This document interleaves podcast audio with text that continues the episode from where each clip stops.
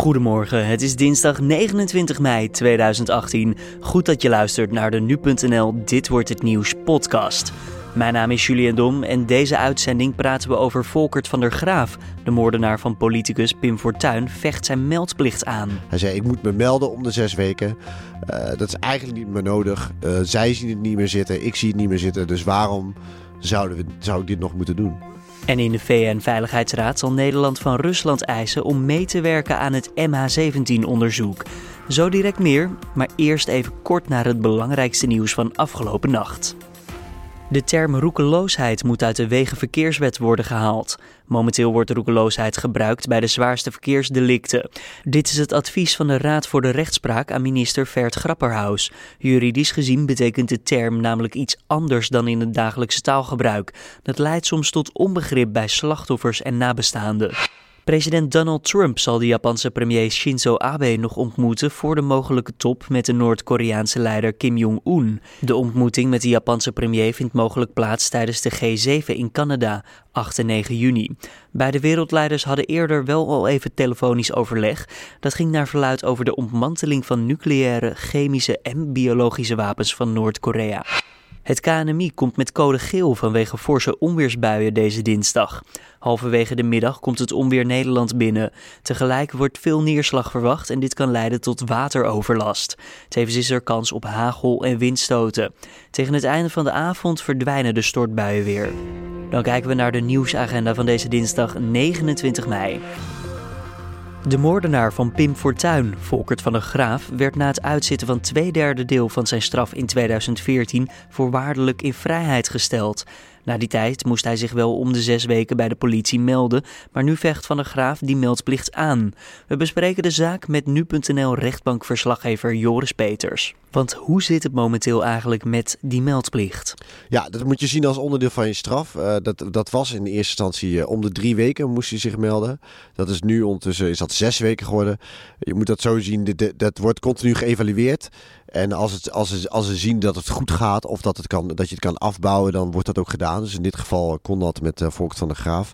Alleen is die, die, die relatie tussen die twee, uh, tussen reclassering en, en, en, en uh, Volkert van der Graaf is altijd heel moeizaam geweest. Hoezo dat? Nou ja, hij, hij stelde zich nogal dwars op. In ieder geval dat, uh, dat vond de reclassering. Die zei van, dat het moeilijk met hem te praten was. Hij wilde niet, niet antwoord geven op de vragen die hem werden gesteld.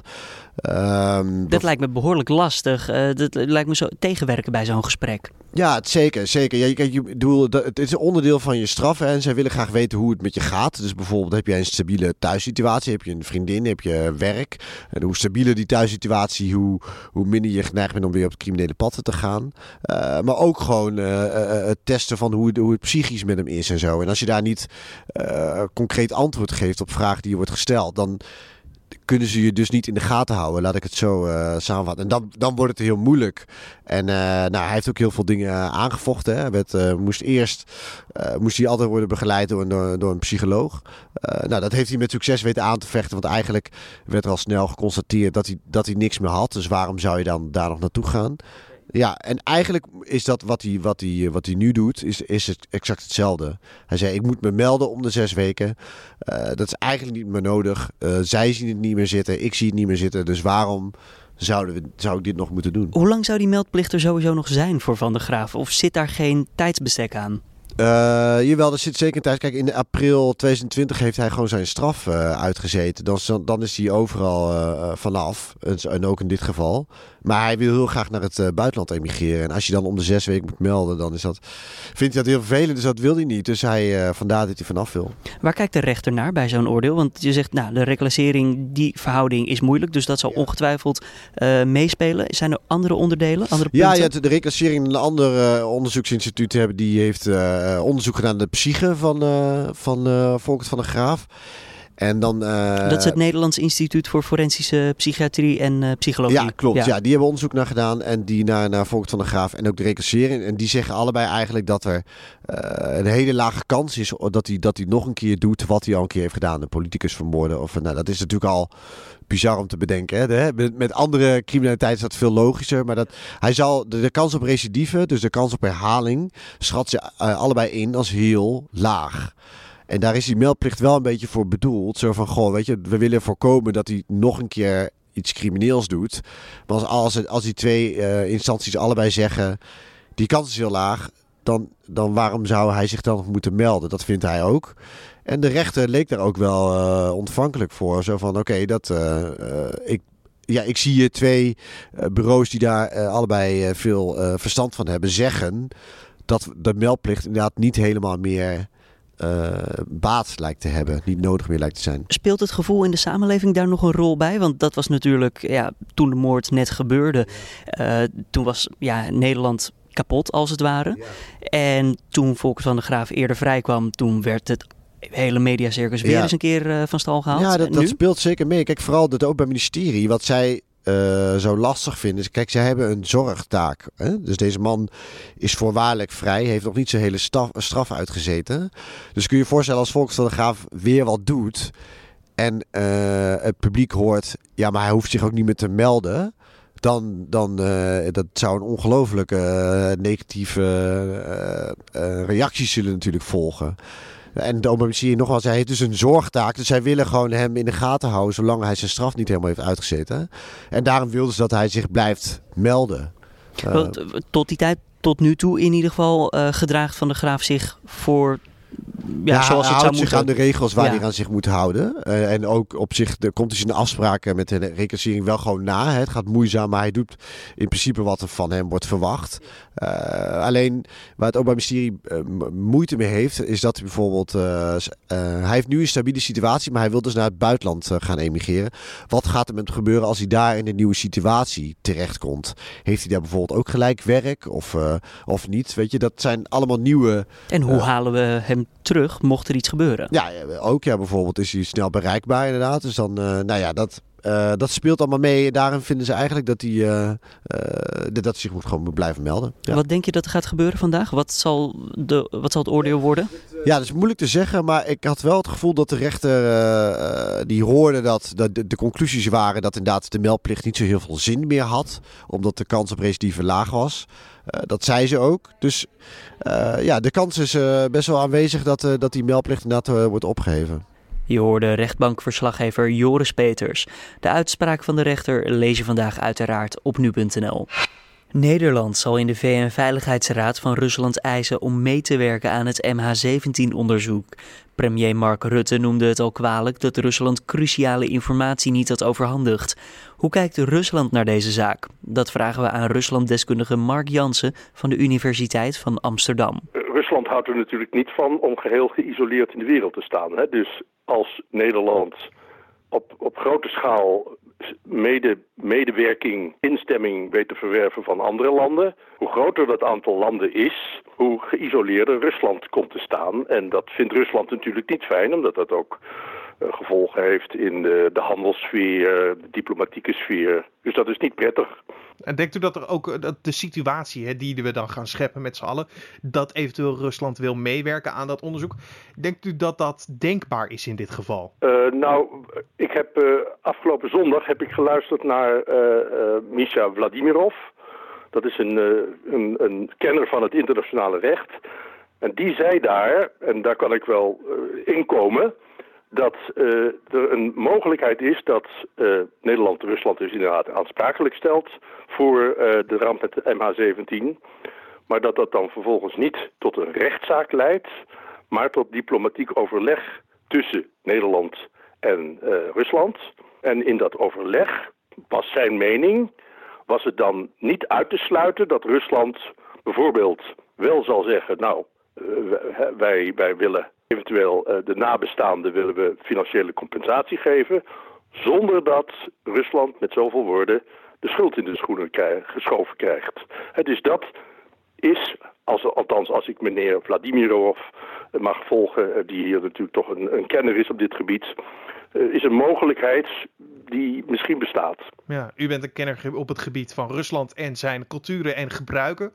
Uh, als we kijken naar Rusland in deze situatie, hebben ze vaker hun eigen fouten bijvoorbeeld uh, toegegeven? Nou ja, als we, als we, als we het, uh, het, het, het Sovjetverleden daarbij incalculeren, dan is dat natuurlijk het geval. Hè? Want als je bijvoorbeeld kijkt naar de daden van, van Stalin, de terreurdaden van Stalin met name, die zijn heel lang, is daar de, zijn die bedekt. Hè? Zijn die, is, is gezegd van de Sovjetzijde, nou, wij hebben die, hele, helemaal, die misdaden helemaal niet gepleegd. Of het is, de toedracht was totaal anders. Ik heb, als voorbeeld zou ik willen geven de moord op de Poolse officieren in 1940 in Katyn. Dat was nadat uh, het uh, niet-aanvalspact tussen Stalin en Hitler was gesloten in 1939, zijn uh, Duitsland en de Sovjet-Unie zijn beide Polen binnengevallen. Toen de Sovjet-Unie Polen is binnengevallen, enkele tienduizenden Poolse officieren krijgsgevangen gemaakt. Die zijn vervolgens opgesloten in krijgsgevangenenkampen.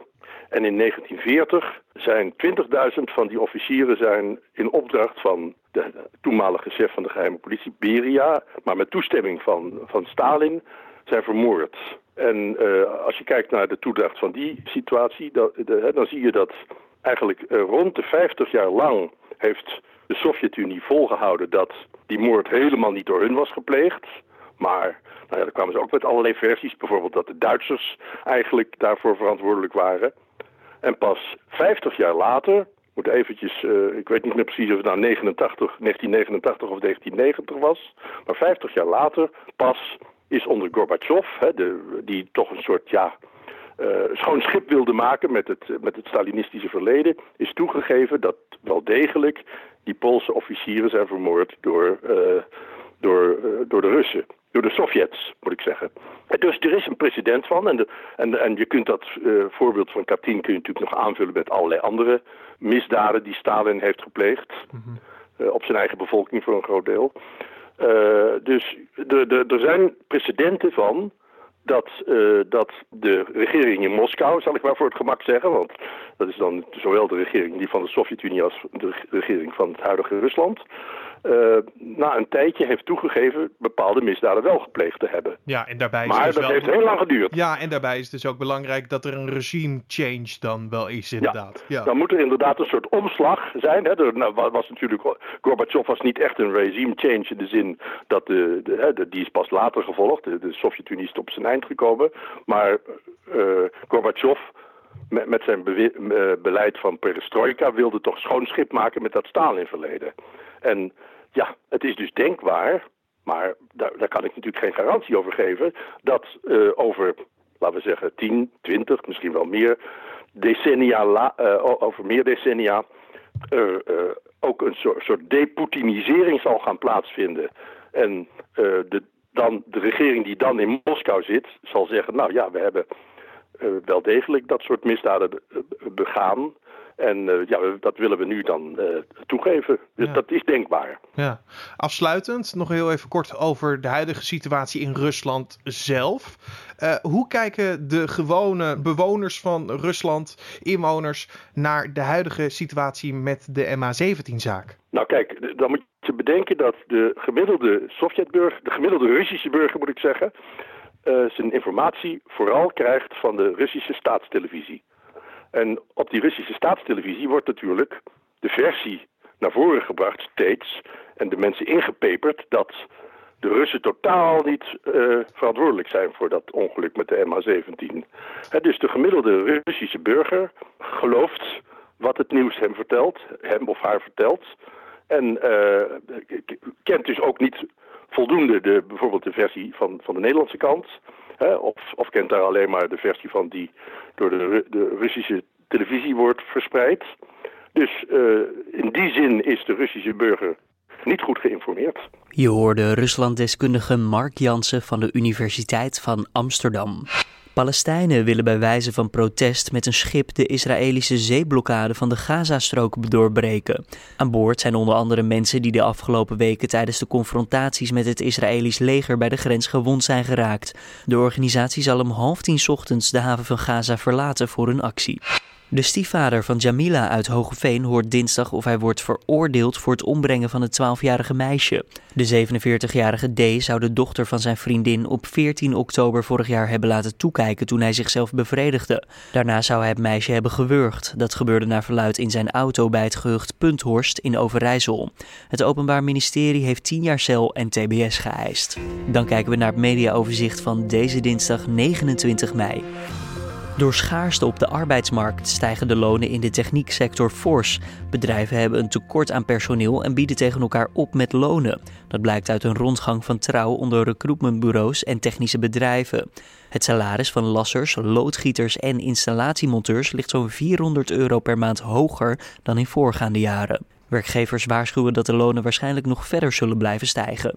Veroorzakers en slachtoffers van verkeersongevallen moeten vaker met elkaar in contact worden gebracht. Dat meldt de organisatie Perspectief Herstelbemiddeling in het AD.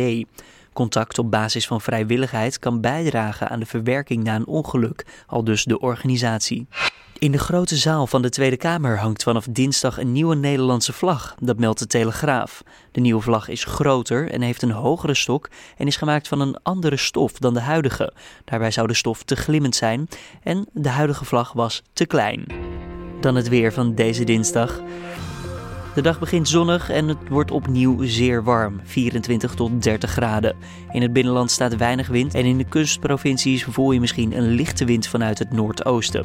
Later op de dag is er veel kans op onweer, als eerste in het zuidoosten. De buien kunnen plaatselijk zwaar uitpakken met kans op wateroverlast. En voordat we bij het einde zijn van de podcast nog even dit. De Russisch-Joodse miljardair Roman Abramovich heeft de Israëlische nationaliteit gekregen. Abramovich, bekend als eigenaar van de Engelse voetbalclub Chelsea, zou problemen hebben gehad met het verlengen van zijn visum in het Verenigd Koninkrijk. Reden voor de problemen zijn niet genoemd, maar mogelijk heeft de lastige relatie tussen Rusland en het Verenigd Koninkrijk na de vergiftiging van voormalig dubbelspion Sergei Skripal hiermee te maken. Dit was dan de Dit wordt het nieuws podcast van deze dinsdag 29 mei.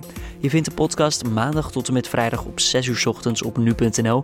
Voor het een toffe podcast? Laat het ons weten via redactie@nu.nl of laat een recensie achter op iTunes. Voor nu, tot morgen.